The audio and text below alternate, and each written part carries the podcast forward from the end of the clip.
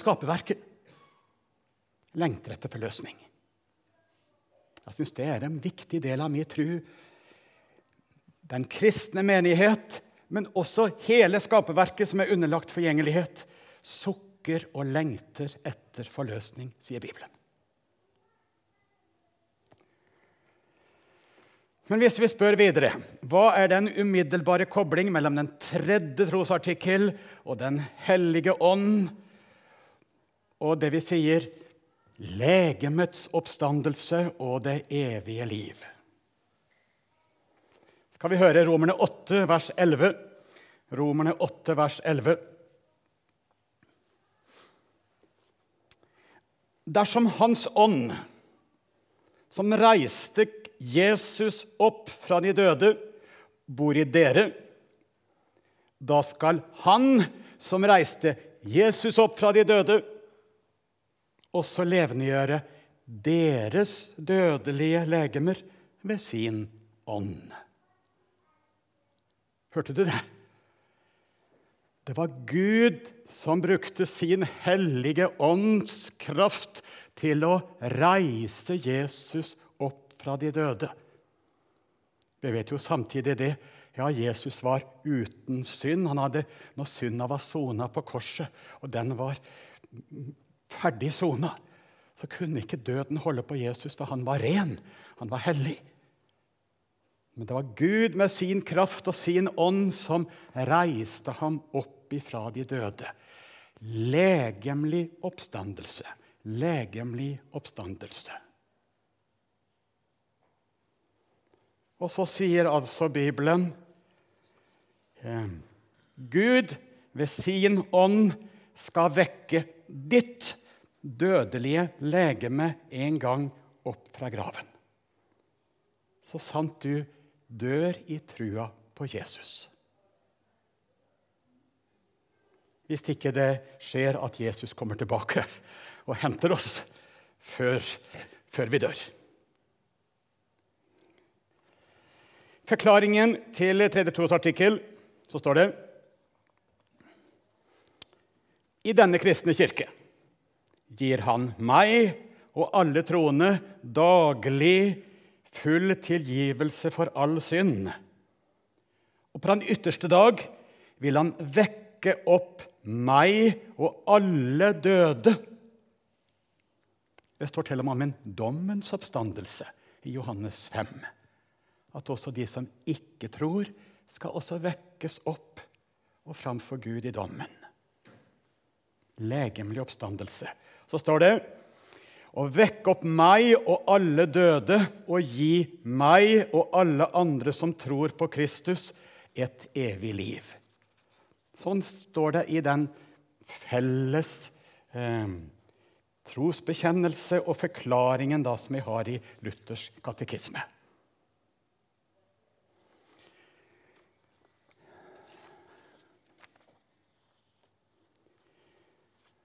Lovet være Gud, vår Herre Jesu Kristi Far, leser vi 1. Peters brev, som etter sin store miskunn har, har gjenfødt oss, gitt oss et nytt liv.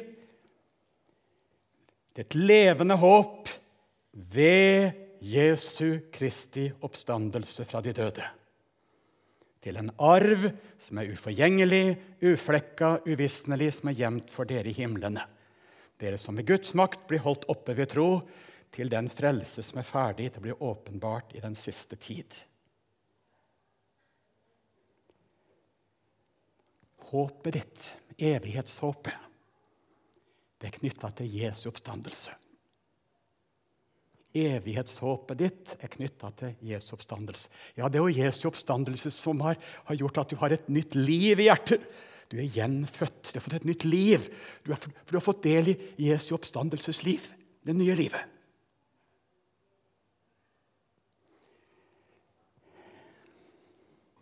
Det som aldri dør. Jeg er oppstandelsen og livet, sier Jesus. Den som tror på meg, skal leve om han enn dør. Du har fått noe inni deg som ikke dør pga. Jesu oppstandelse. Du har fått et evig håp. Og samtidig så er det noe konkret når du ser helt fram. Så står det Dersom Hans ånd, Den hellige ånd, som reiste Jesus opp fra de døde, bor i dere, da skal altså han, rei, han som reiste Kristus opp fra de døde, levendegjøre deres dødelige legemer.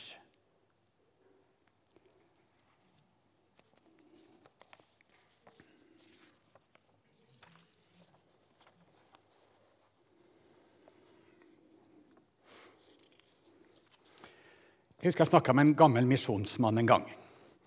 Nei, at jeg skulle få noen kropp i himmelen, det trodde nå ingentingen på. Han tenkte at han mer skulle være som en engel som, som svevde rundt et eller annet, en eller annen plass. Tenker du sånn?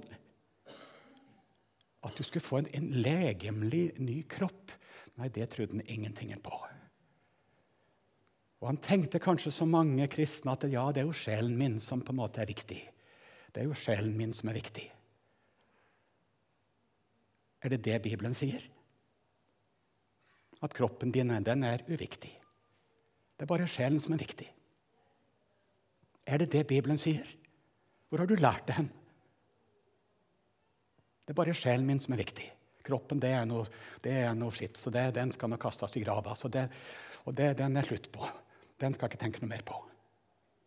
Hva er det du sier i en begravelse, da? Eller hva er det presten sier? Av jord er du kommet, til jord skal du bli.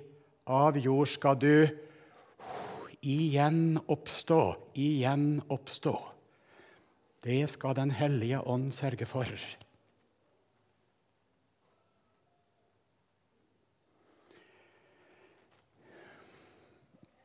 Når min far døde i trua på Jesus Han var en uomvendt mann lenge, men så ble han en kristen i 70-årsalderen. Og så var han en levende kristen. Og så døde han et stykke ut i 80-åra. Jeg hadde aldri vært vitne til et, en person som døde før. Jeg har vært, vært, vært så beskytta at jeg aldri har sett et menneske som død. Kanskje du har vært, opplevd det utallige ganger. Jeg syns det var så rart. Plutselig så var kroppen liksom så bare som et skall, nesten. Liksom så, så tomt og rart. Og jeg tror, sånn som Bibelen sier, min pappa han er borte fra legemet, hjemme hos Herren nå. Jeg tror han gikk hjem til Gud. Borte fra legemet. For kroppen den ligger jo på kirkegården hjemme i Aremark. Den ligger jo der. Men han borte fra legemet, han er hjemme hos Herren. Paulus sier jo det. Han har lyst til å fare herfra, borte, bare borte fra legemet, men komme hjem til Gud. Og, og røveren i paradis han kom hjem til Gud med en gang. I dag.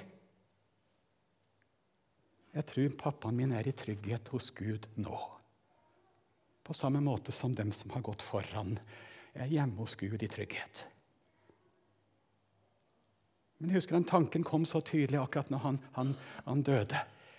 Men dette er ikke det siste. Det kommer en oppstandelse. Det kommer en oppstandelse. Kroppen hans skal stå opp igjen. Tror du det? Regner du med det? Eller, eller tenker du at det er bare liksom, måte sjelen din som Jesus bryr seg om?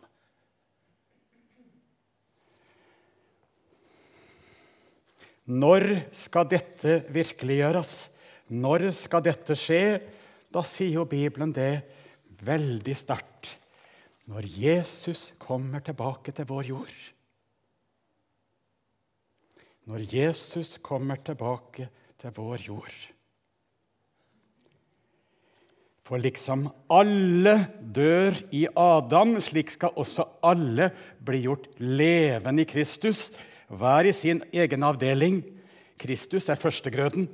Deretter skal de som hører Kristus til, bli gjort levende ved Hans komme. Deretter kommer enden, står det. Og vi leser i 1. Tesalonikerbrev 4. 1. Tesalonikerbrev 4.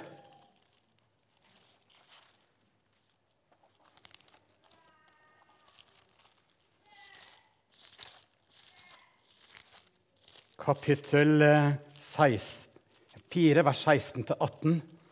For Herren selv skal komme ned fra himmelen med et bydende rop, med overengels røst og med Guds basun. Og så står det Hva skjer når Jesus kommer? De døde i Kristus skal først oppstå. De døde i Kristus skal først oppstå.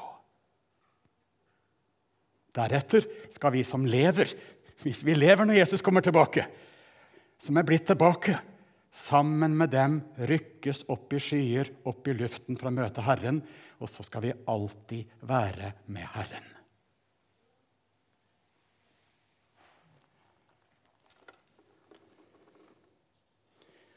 Og så kan du lese hele 1. Korinterbrev kapittel 15 om dette. Legemlig oppstandelse. Et herlighetslegeme.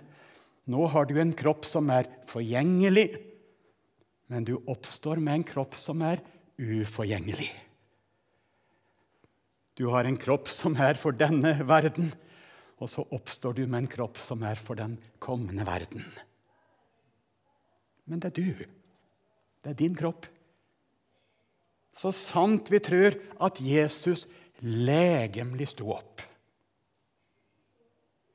Men han var herliggjort, han var forvandla. Og, og, så står vel ikke så mye i Bibelen akkurat liksom, om liksom, den ytre skikkelsen og sånn. Men det var jo Jesus med naglemerkene i hendene. Vi tror på Jesu legemlige oppstandelse. Men de kjente han igjen først og fremst når han talte til dem. Var nesa akkurat lik, liksom? Jeg vet ikke. Jeg vet ikke. Men det var hans kropp som har stått opp. Men nå var det et herlighetslegeme som passa for det evige, fullkomne Guds rike. Så tenker jo vi på ikke sant, altså, hvordan skal vi se ut i oppstandelsen? Hvordan skal vi se ut da? Og Det er jo mange som dør så jeg som er så gamle og skrøpelige. Og, og, så og Noen dør i mors liv før de er født, og, og, og noen dør i ung alder. Og noen, Kroppen den er jo godt, du, du finner, den er ikke funnet tilbake. De har ikke fått noe grav. Den er revet i stykker. Men Gud har makt til å finne de tilbake. Det tror vi. Jeg bruker å si til elevene på bibelskolen, og jeg sier det litt på tull Jeg vet ikke om jeg har noe peiling på det heller. Men jeg tror når, når, når vi skal stå opp, så skal alle se ut som 33-åringer. Ja. ja. Vi skal ha en oppstandelse som er lik, lik Jesu oppstandelse. Ja. ja, men jeg er jo så stygg nå. Jeg, så, jeg, jeg, skulle ønske jeg hadde andre ører og nese og kropp. Og jeg er så, jeg er så, jeg er så vi syns vi skammer oss over kroppen vår. Men er det Guds vilje?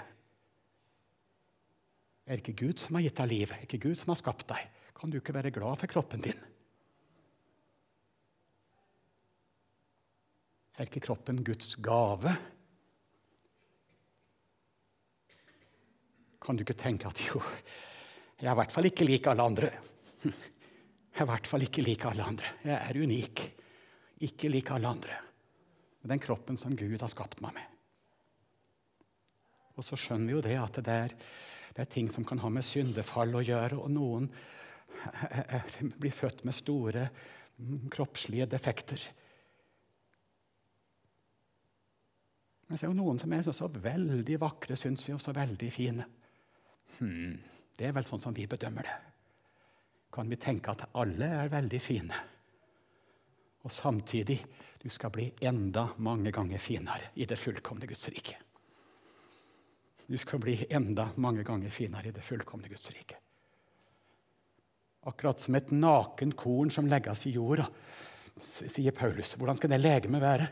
Det er akkurat som et lite korn som legges i jorda. Men der ut fra det samme kornet så vokser det opp en sånn fin plante. Herlighetslegeme. Men det er det samme på en måte elementene som er i det der ene kornet. Så vokser det opp ei en fin plante. Det er din kropp som legges i jorda, og så vokser det opp den samme kroppen, men nå er han herliggjort, forvandla, for det fullkomne Guds rike. Ja, det går over min lille hjernes forstand. Ja. Men jeg skjønner at det er stort.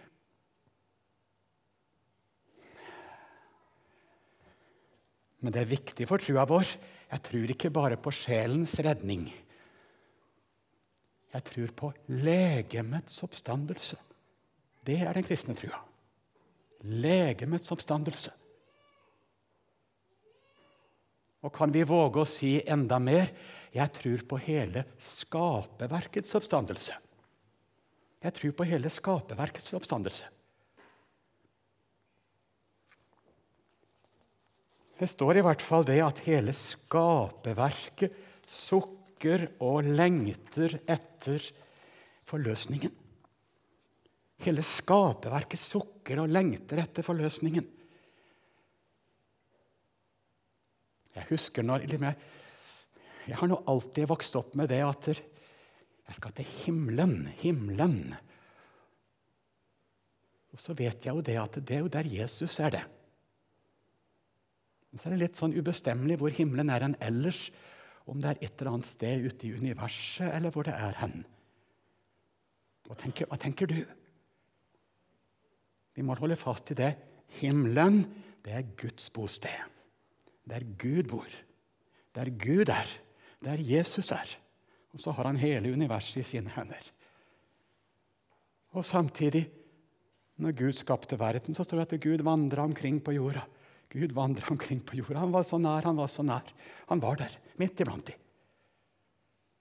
Vi vet hvordan han så ut, men det står at han, han vandra i hagen. Og så var det livets tre der også. Og så var det jo kunnskapens tre. Men det var et tre som heter livets tre også. Som de ikke måtte spise etter at de hadde synda, for da hadde de levd evig borte fra Gud.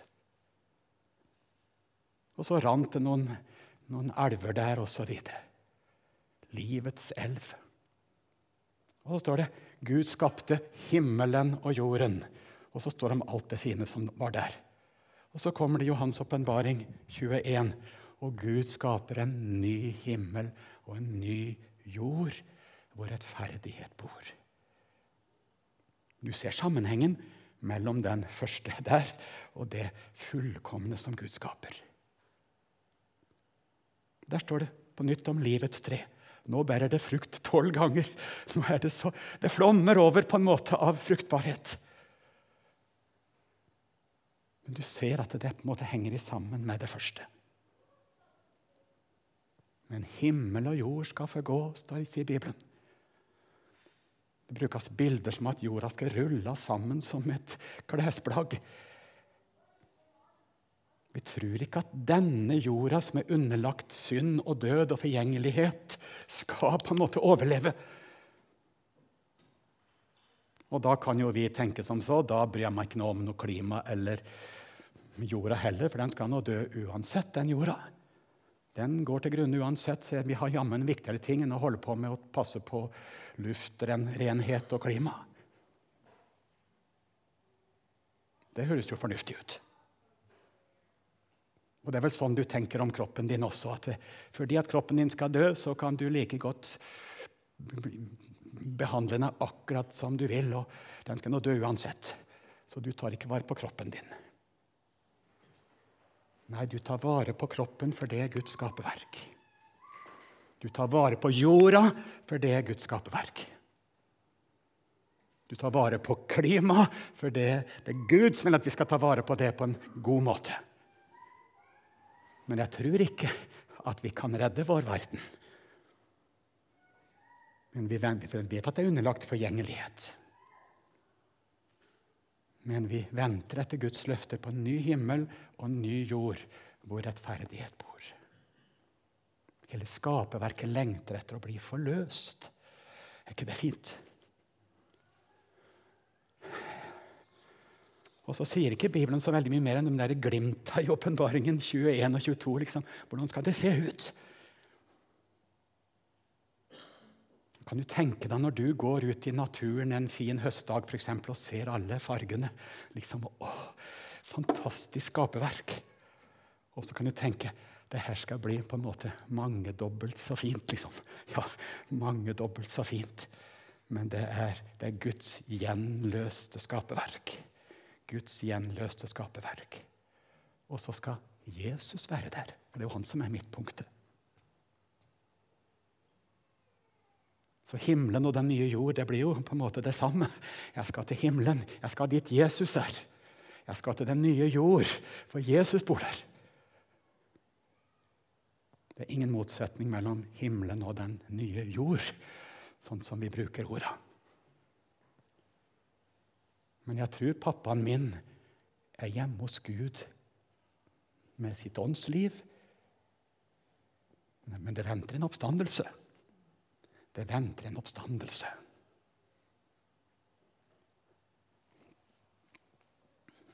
Den hellige ånd skal vekke de døde opp ifra gravene.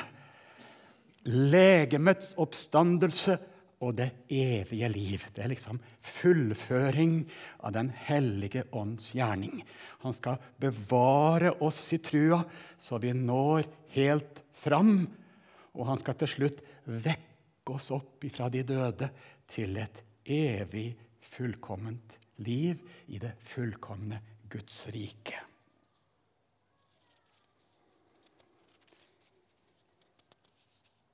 For se, jeg skaper en ny himmel og en ny jord.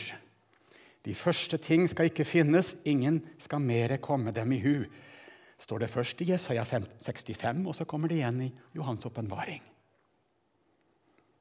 Og har du lagt merke til det som står i Matteus 5? Salige er de saktmodige. De skal arve jorda. Ja, det kan jo ikke være den forgjengelige kloden. Salig er de saktmodige skal arve det fullkomne Guds rike. Men vi venter etter Hans løfte, nye himler og ny jord, hvor rettferdighet bor. 2. Peter 3. Så står det ulven og lammet skal beite sammen, løven skal ete halm som oksen, ormen får støv til mat.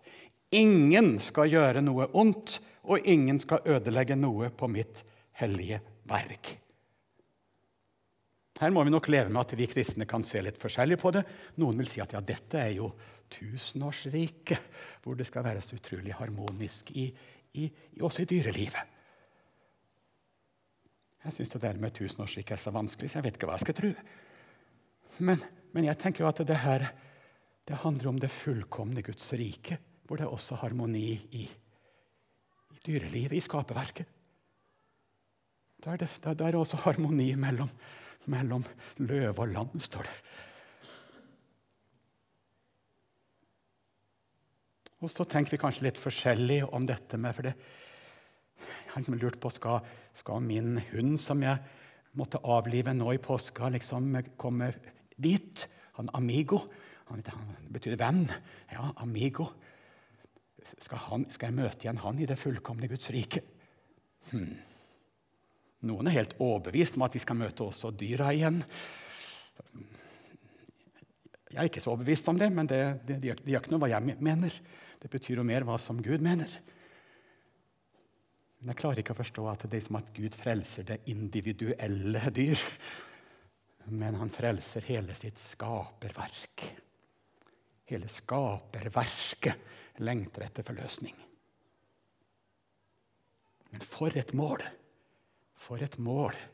Den hellige ånd skal skape et nytt med Guds kraft. Gud bruker sin hellige ånd til å reise oss opp fra grava og så plassere oss i det fullkomne Guds rike. Hvor vi ikke trenger sol på himmelen, hvor vi ikke trenger lys, for Jesus bor der. Gud er der. Og så står det det at vi skal se hans ansikt som han er. Og vi skal bli han like. Vi skal vel ikke bli Jesus, vi skal ikke bli Jesus, men vi skal bli han lik i herlighet.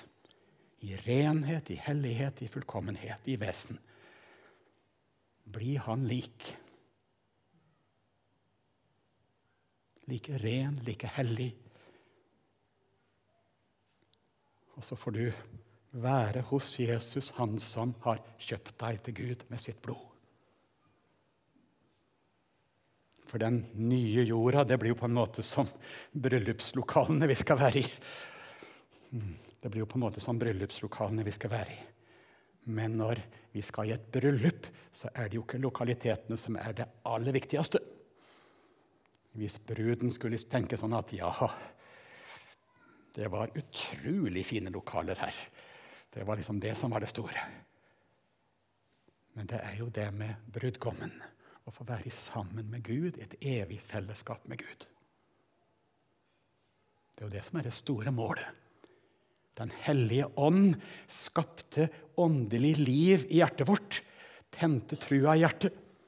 Jeg tror ikke at jeg av egen kraft eller makt kan tro på Kristus eller komme til Han, men Den hellige ånd har kalt meg ved evangeliet, holdt meg oppe i en sann tro og bevart meg, og så føre meg hjem til det fullkomne Guds mål.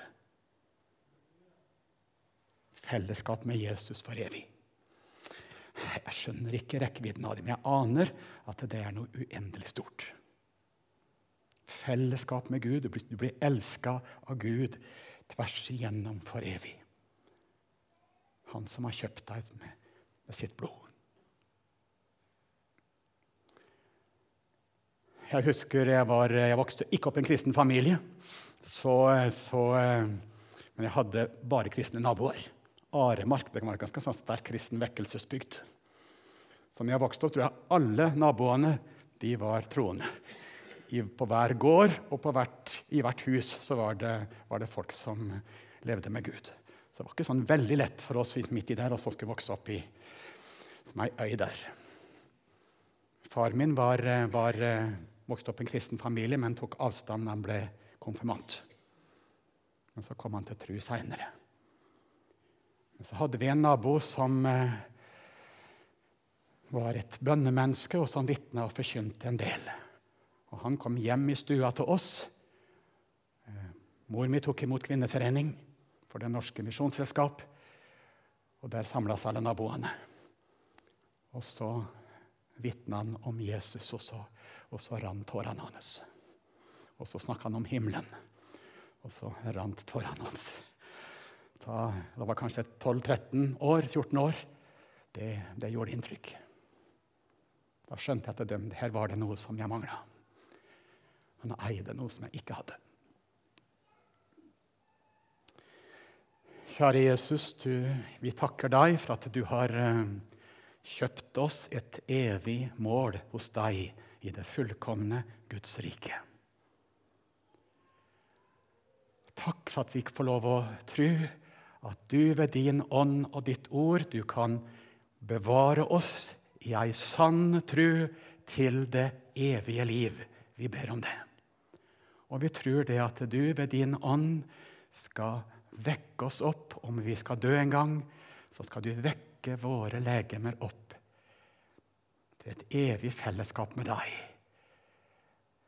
Legemlig fellesskap i det fullkomne Guds rike. Takk for det håpet vi har. Takk for at vi kan sovne trygt inn i trua på deg. Vi kan dø trygt i trua på deg. Vi har det evige livet i oss. Amen.